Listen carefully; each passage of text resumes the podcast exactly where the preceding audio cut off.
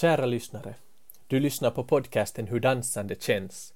I denna serie intervjuar jag, Wilhelm Blomberg och min kollega Taru Aho dansare med olika bakgrunder om hur dansandet känns och vad som gör dansandet unikt. I detta avsnitt intervjuar jag Ida Johansson.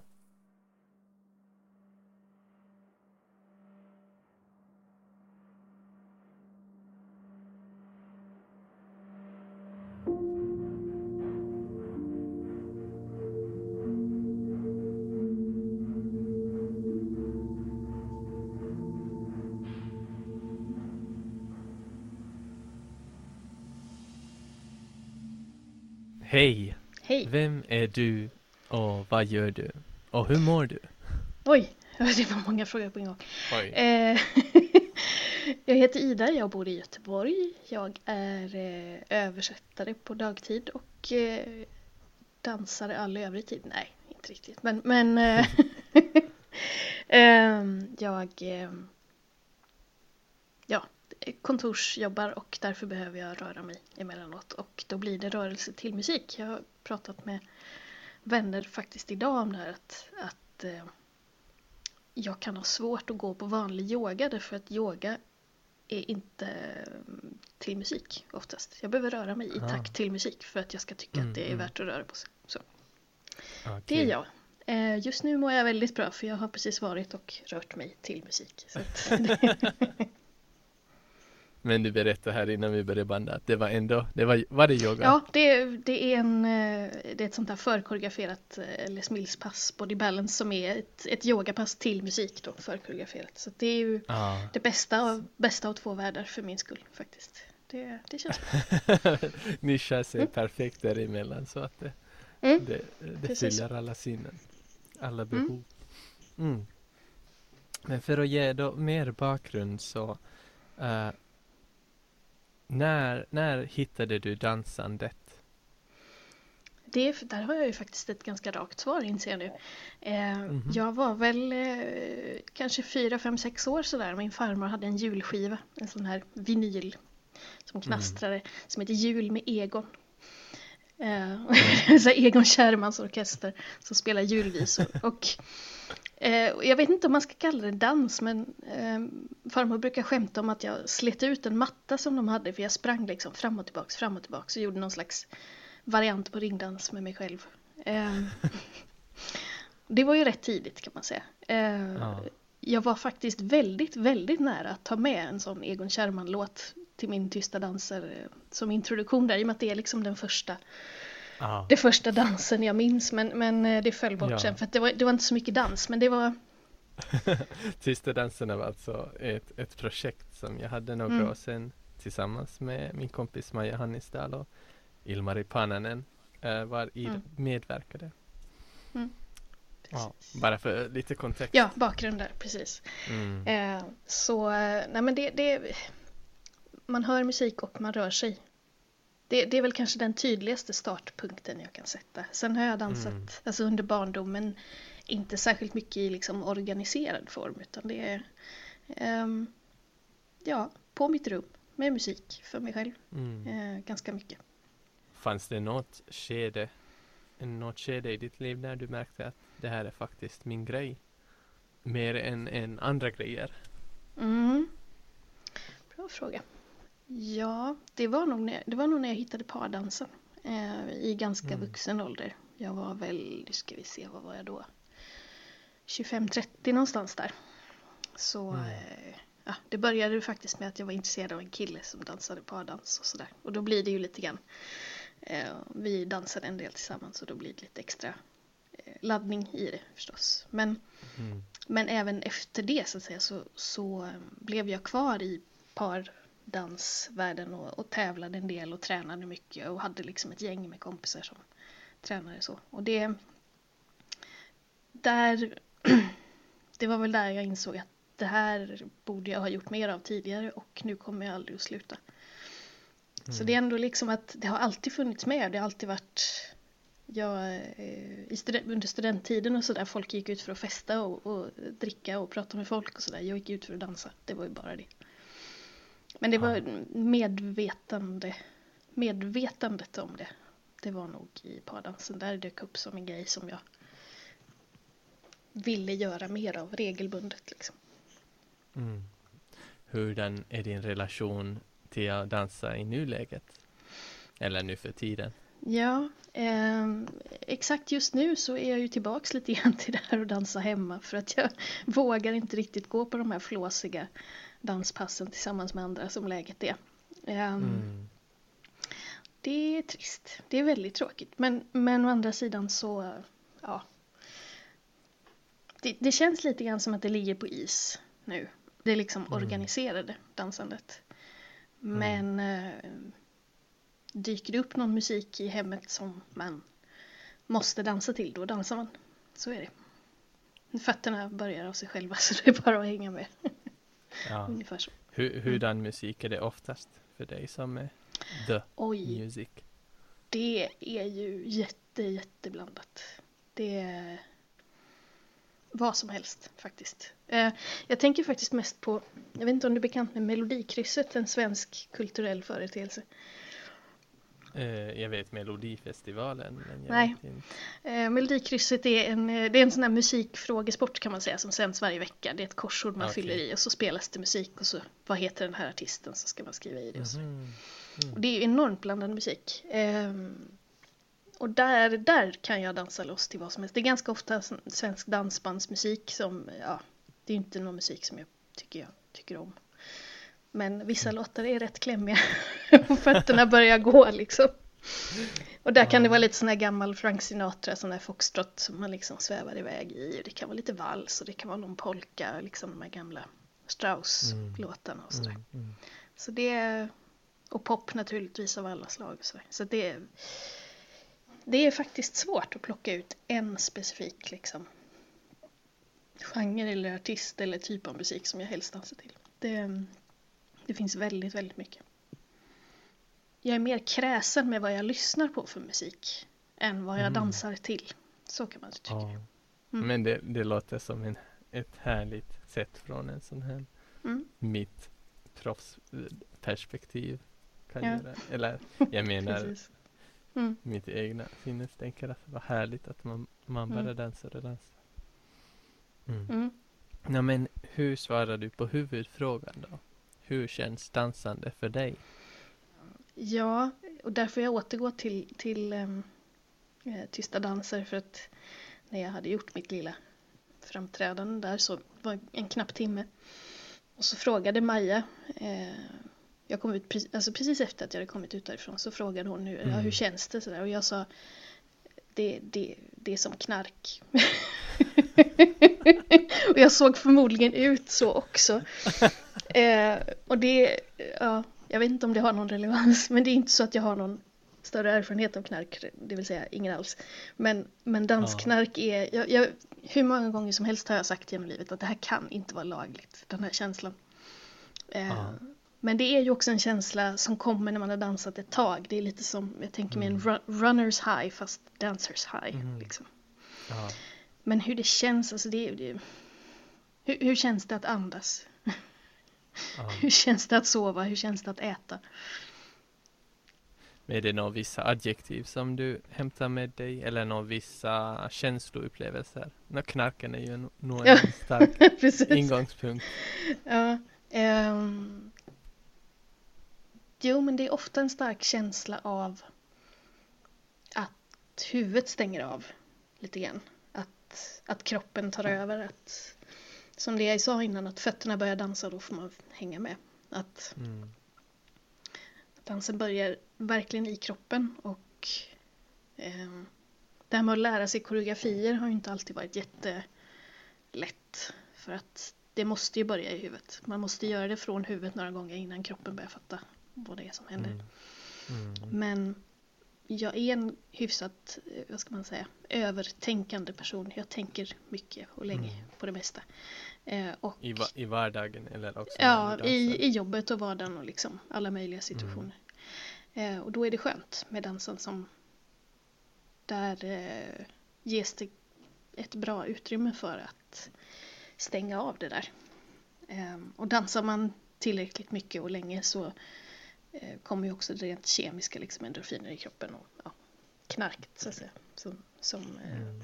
är nästa nivå. Men, men redan, redan de första dansstegen kan vara en känsla av att landa i kroppen och, och tysta ner huvudet lite grann. Som är väldigt, väldigt skön. Mm. Det som jag funderar på, vad är skillnaden för dig mellan att dansa och att röra sig? Mm. Den är svår att hitta för mig ofta. Ehm, mm. Det är, man vill gärna tänka, eller det raka liksom spontana svaret vore att dans sker till musik. Men, och att det är det som är liksom den stora skillnaden. Okay. Ehm, medan rörelse är allt som görs utan musik. Men okay. det, är lite, det är lite förenklat. Ehm, mm. Jag kan ha dagar när det är jag liksom vaknar på morgonen och det finns någon slags dans i kroppen. Liksom. Mm. Som att kroppen tar över direkt på morgonen och säger idag tänker jag röra mig lite så här. Och så blir det en sorts... Eh, det är inte bara funktion i rörelserna utan det händer någonting mer som är... Man tar något litet extra steg eller snurrar ett halvt varv eller eh, någon liten extra... Det blir lite krumelurer på de vardagliga rörelserna genom köket och liksom de vanliga mm. grejerna man gör. Så det, mm. det, det är inte en helt lätt gräns att dra faktiskt. När kan du exakt veta att det är fråga om dans och inget annat? När det är mer. Eh, det kommer ju en punkt när det är mer eh, icke-funktion, så att säga. Mm. Icke-funktionella rörelser, det låter lite fånigt. Men, men eh, Man måste försöka beskriva det på något sätt. Ja men precis. Från, från, det, från funktionella rörelser, jag går, jag springer, jag hukar mig, vad man gör, till, eh, ja men vi får säga icke-funktionella i brist på bättre, för att det, det är ja. en kvalitet i rörelsen som är något man gör för skojs skull. Liksom. Eller för sitt nöjes skull, för, eh, mm. för att det känns bra. Och det, ja, det är en en tipping point som kommer någonstans i, mm. på den där skalan från rörelse till dans. Mm. Och så tänk, äh, tänker jag också på när du talar så mycket om, eller så att det behövs musik för dansen. Mm. Så vad är då relationen mellan musiken och dansen? Varför är de mm. så sammankopplade för dig då igen? Jag tror att dans för mig är ett sätt att uppleva musik, att, att fördjupa upplevelsen av mm. musiken. Att gå bortom det rent återigen intellektuella sättet att uppleva musik. Man hör och man lyssnar på texten och det liksom leder till tankar och känslor och sådär. Men, men att dansa, att det är att gå in i musiken mer. Ja, det var, jag tänkte att det, det, det jag sa innan om att jag är mer kräsen med vilken musik jag lyssnar på. Eh, ah. Kroppen har lättare att ta till sig musik. Den kan dyka in i i stort sett vad som helst. Eh, mm. Dansvägen så att säga. Mm. Jag funderar att hur kunde jag uppleva dans som du? Vad skulle behövas där för att komma igång? Jag, jag är nyfiken för att för att komma faktiskt i en möjligast förkroppsligad känsla av hur det känns för andra att dansa. Mm. Så om man, om man kan på något sätt beskriva det, vad som händer och vad, vad mm. jag skulle behöva göra där för att mm. hurdan miljö skulle jag behöva? Mm. Ska jag behöva andra människor dit? Ja. Nej, men som sagt, jag började, jag har dansat mycket ensam liksom i mitt rum och sådär. Och jag är en, mm. Eh, vad ska man säga, jag kan vara en väldigt introvert dansare. Jag bara liksom, det är jag och kroppen och så är det inte mer än så. Ja. Men samtidigt så... Det låter så... redan jättefint. Ja, det är, ja. ja. Men ett, ett sätt att komma dit är ju att söka sig till de stora, eller till, till större sällskap så att säga. Um, ja. Och där är det ju dels den eh, typen av dansklasser på ett gym liksom som man går på, där det finns en koreografi som man kör några månader i taget. Mm. och så är det liksom en grupp med människor som kommer varje vecka och man kör den här tillsammans och det är en bra lärare och det är liksom där har jag ju haft några av mina absolut starkaste sådana nästan utomkroppsliga knarkupplevelser. Okej, okej, berätta. ja, men när, när man liksom har kört en, en och samma koreografi några veckor och man kan den definitivt tillräckligt bra för att verkligen ta ut steg och liksom man vet mm. vad som kommer och man kan vila i den på ett sätt innan man har hunnit ja. tröttna. Så det är liksom en sån här ja, gyllene period. eh, och så är man så här, ja men det är några stycken som, som kommer varje vecka som kan det här, som dansar tillsammans och som kanske inte har så mycket gemensamt i övrigt men som har det här liksom den här lilla dansjävlen som hoppar in och som tar över. Och så, eh, och så kör man den där koreografin eh, liksom som final i slutet av passet och det är ja, jag ska sluta tjata om knark, men det, det är väldigt mycket knark. ja. Referenser så. Ja. Uh, jo, på tal om dansdjävulen, ja. Jo, vi, vi, sa en gång så här, när, när dansdjävulen tar över kroppen då får inga andra demoner plats. Den... Uh, Okej. Okay. Mm, och det, det, jag kan ju inte tala för andra men jag tror att det finns många som, som kan skriva under på det. Att det är mm. ett sätt att dansa sig bort från ja, men att stänga av huvudet, kanske stänga av känslor lite grann. Att, att bara göra någonting annat. Att eh, muskla sig igenom någonting. Mm. Det låter som ett väldigt fint ordspråk faktiskt. Ja, ja, det... ja, ja, ja, ja. Ja, det, så kan det vara. Det, ja, jag bjuder på den, den kan vi sprida över världen tycker jag. För det är helt sant. Ja. Eh, mm. Och nej men, äh, sällskap, det, det, är det som är så märkligt då, att man är en av flera. Eller kanske till och med många. Jag har ju dansat i, på större konvent där man är liksom tusentals människor som kör samma koreografi. Och där, där räcker det ju inte att prata om knark. Där är det ju någon slags religiös upplevelse inblandat tror jag. Ja. Så det, det, är, det är någonting med att dras med av andra och man gör liksom, man dansar samma koreografi men det är inte för att det är inte i syfte att nu ska vi lära oss det här perfekt och göra det tillsammans och det ser bra ut utan det är bara liksom lustdrivet och det det rekommenderas. Återigen då i dessa tider kanske inte världens bästa råd men ja, man får hålla distans utomhus. Ja den gör ja. det. Det får vi hoppas. Den tar slut någon gång. Ja. Jag tänker här när du, du har starka upplevelser eller så som jag får det av mm. både att dansa ensam mm. i ditt rum och i, mm. också i vårt verk och mm. i pardanskontexter mm. där man verkligen är nära och sen mm. i de här större, större sällskapen, dansklasser eller gympapass med, med i ett stort gym. Ja, först känns det enklare att nog svara på kanske vad är det som skiljer de här åt? Men jag är intresserad särskilt av att vad är det Känns de på samma sätt som dans? Eller inte? Kanske där går det att börja. Mm. Det är en jättebra fråga. Mm.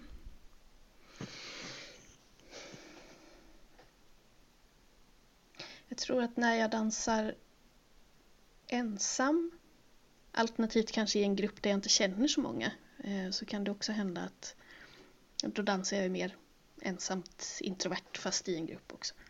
Mm. Och och även i tysta danser då, där jag ju definitivt var liksom ensam och mm. eh, avskärmad på många sätt. Där är det en väldigt alltså en extrem fysisk kroppslig närvarokänsla. Liksom. Men i större grupper och pardansen är lite speciell, jag kanske kan återkomma men, men i de stora grupperna så är det ju mer ett, en, alltså det blir ju i stort sett utomkroppsligt för att man går upp i den större kroppen på något sätt. Och, ah. ja, um, så det är väl skillnaden. Pardans är, ja, det är ett eget litet djur. Eh, det var så länge sedan jag dansade pardans. Men jag, jag minns att, att det fanns ju ett antal ögonblick där som verkligen var makalösa också. Vad berodde det på? Mm. Det hänger ju rätt mycket på partner. Mm. Naturligtvis. Mm, och jag tror att kanske sista året jag dansade så hade jag en partner som eh, inte var så bra. Enkelt uttryckt. inte, inte nödvändigtvis dålig på att dansa men... men eh, inte vår, för dig. Nej, men vår, vår parkemi, hur, hur vi tränade och varför vi tränade och vi hade olika drivkrafter Ja. och det var, ja, det var en dålig matchning helt enkelt. Så då, det är svårt att komma ihåg hur det var innan. Mm. Det känns lite grann som en, eh, ett lite stängt kapitel, det är väldigt, tråkigt. Men, Ja. eh, Men det är bara att försöka orientera sig till ett ja, nytt jag försöker. Ja, jag försöker. Ja. Jag är ju gift sedan några år, jag försöker få maken att hänga med. Men Ja. han, är, Ja, men han har ju han har, så, han har så dåligt självförtroende säger han. Han tycker att jag dansar så bra. Så då, och jag säger det spelar ingen roll. Men det, för honom spelar det roll. verkligen För honom är det jätteviktigt. Han, han, kan inte ta, han kan inte ta tre steg utan att liksom börja tänka efter och stanna till. Mm. Men jag har, jag har nog detsamma. Jag har svårt att dansa för att det känns att jag eller någon annan ser på. Det Mhm. har ändrats. Det Ja. beror inte på har man gjort det länge eller inte eller så. Nej. Mm. Det där med att se på, det var ju också en aspekt i Tysta danser som var lite... Jag minns att jag var lite, men jag var lite orolig inför det, för jag tänkte hur... Det går ju inte att föreställa sig hur man reagerar på det. Känslan av att någon... Att publiken faktiskt finns där och tittar även om jag inte vet om det. Ehm, Ja. Men det gick väldigt, väldigt fort att komma in i... Det tog en halv låt så var jag liksom inne i den där kroppsliga ensamdanskänslan och tänkte inte alls på publik och sådär. Och det mm. Dance like nobody's watching, säger de. Mm. Det gör jag nog typ jämt. Försöker i alla fall. Det finns något väldigt fint i det uttrycket, även om Mm. det låter klyschigt. Det berättar som om en, om en känsla att, att det inte faktiskt är någon skillnad på att dansen åskådas utifrån. Precis. Mm. Att, att dansen har ett värde i sig själv, det handlar inte om att visa upp någonting utan det är Absolut. du ska uttrycka. Jag tänker på det här som eh, man pratar om eh, bin, bisvärmar, att de, de använder dans som, som någon slags kommunikation. Jag är lite så här, Ja. inte helt inne på hur det funkar men om de har Mm. hittat ett nytt ställe där de vill bygga sin nya bikupa så, så kan de genom dans tala om för resten av gänget vart man ska och varför det är så bra. Och så. Mm. Eh, Så dans som kommunikation, det är, så är det ju. Man kommunicerar ju med dans, men då är det... Det handlar om att uttrycka sig själv och inte visa upp någonting som man tänker att den andra vill se eller höra. Mm. Jag tänker ganska mycket nog så att dans är ett språk. Mm. Ehm, hur skulle du tyda det här? Är det ett språk för dig? Och hurdant språk? Ja, eh, det, det är ju intressant som språkmänniska att tänka på det. Men det är väldigt tydligt så att konsten att lära sig ett språk är ju att våga vara lite dålig. Eller ganska mycket dålig är man ju i början. Att Mm. våga prata med folk även om man inte har alla orden och sådär. Man måste pröva det lilla man har för att, för att bli bättre. Mm. Eh, och det är ju precis samma sak med dans. Att för att bli bra så måste du först vara dålig. Ja, så är det väl med allt i och för sig. Men, men som ett språk. Ja, alltså det märks ju också i hur Alltså mina rörelser, min dans är ju annorlunda beroende på hur, hur jag själv har det just för stunden. Och, Mm. sådär. och det, så är det ju med mitt språk också, det märker jag ju. Där ligger det mycket. Absolut. Mm. Jag vill styra och avrunda med en sån Mm. fråga. Att, eh, av vem skulle du vilja veta hur dansande känns? Hmm. Oj. Får man ju tänka på folk som dansar. Det gör jag inte jätteofta. Men det kan vara en konkret människa eller en idé av en människa. Mm. Jo, faktiskt. Um, jag har tittat, genom åren har jag slaviskt följt den amerikanska serien So You Think You Can Dance. Okay. Och, ja, och där eh, har det ju funnits, det, det, är ju helt löjligt hur mycket bra dansare det finns i världen. Men eh, där fanns det en kille som var med för rätt många säsonger sedan nu, Alex Wong, en, en balettdansare som var eh, jätte, jätte, jättebra. Och sen, jag tror alltså att det var så att han på en repetition lyckades slita av båda hälsenorna. Så att han var tvungen att avbryta tävlingen. Ja. Oj. Ja, okay. jag vet inte hur man gör det. Men, men hur som helst, han är tillbaka och han har världens roligaste Instagramkonto. Jag kan tipsa dig. Han, han dansar ballett i offentlig miljö kan man säga. Han går på Ikea och, med sin partner och gör diverse saker i Ikea-miljö. Det är helt sjukt. Mm. Så att han, eh, han har ju både liksom, han har ju dansat i stora så här, jätteseriösa kompanier och han har dansat showdans på tv. Han har skadat sig jättemycket och han har han har varit igenom det mesta. Det skulle vara väldigt intressant att höra honom prata om det här. Mm. Verkligen. Hur det känns för honom. Ja, för det är verkligen alltså det här han gör när han är ute på gator i New York och liksom ja, mm. dansar. Eh, går ner i någon tjusig split i en rulltrappa och folk runt omkring är lite så här. Ja, det, det, är jätteroligt. det är så lustbetonat liksom. Eh, ja. Så ja, man undrar lite grann vad som ligger där vi blir med den tanken då fundera, tänka mm. oss vidare. Mm. Precis.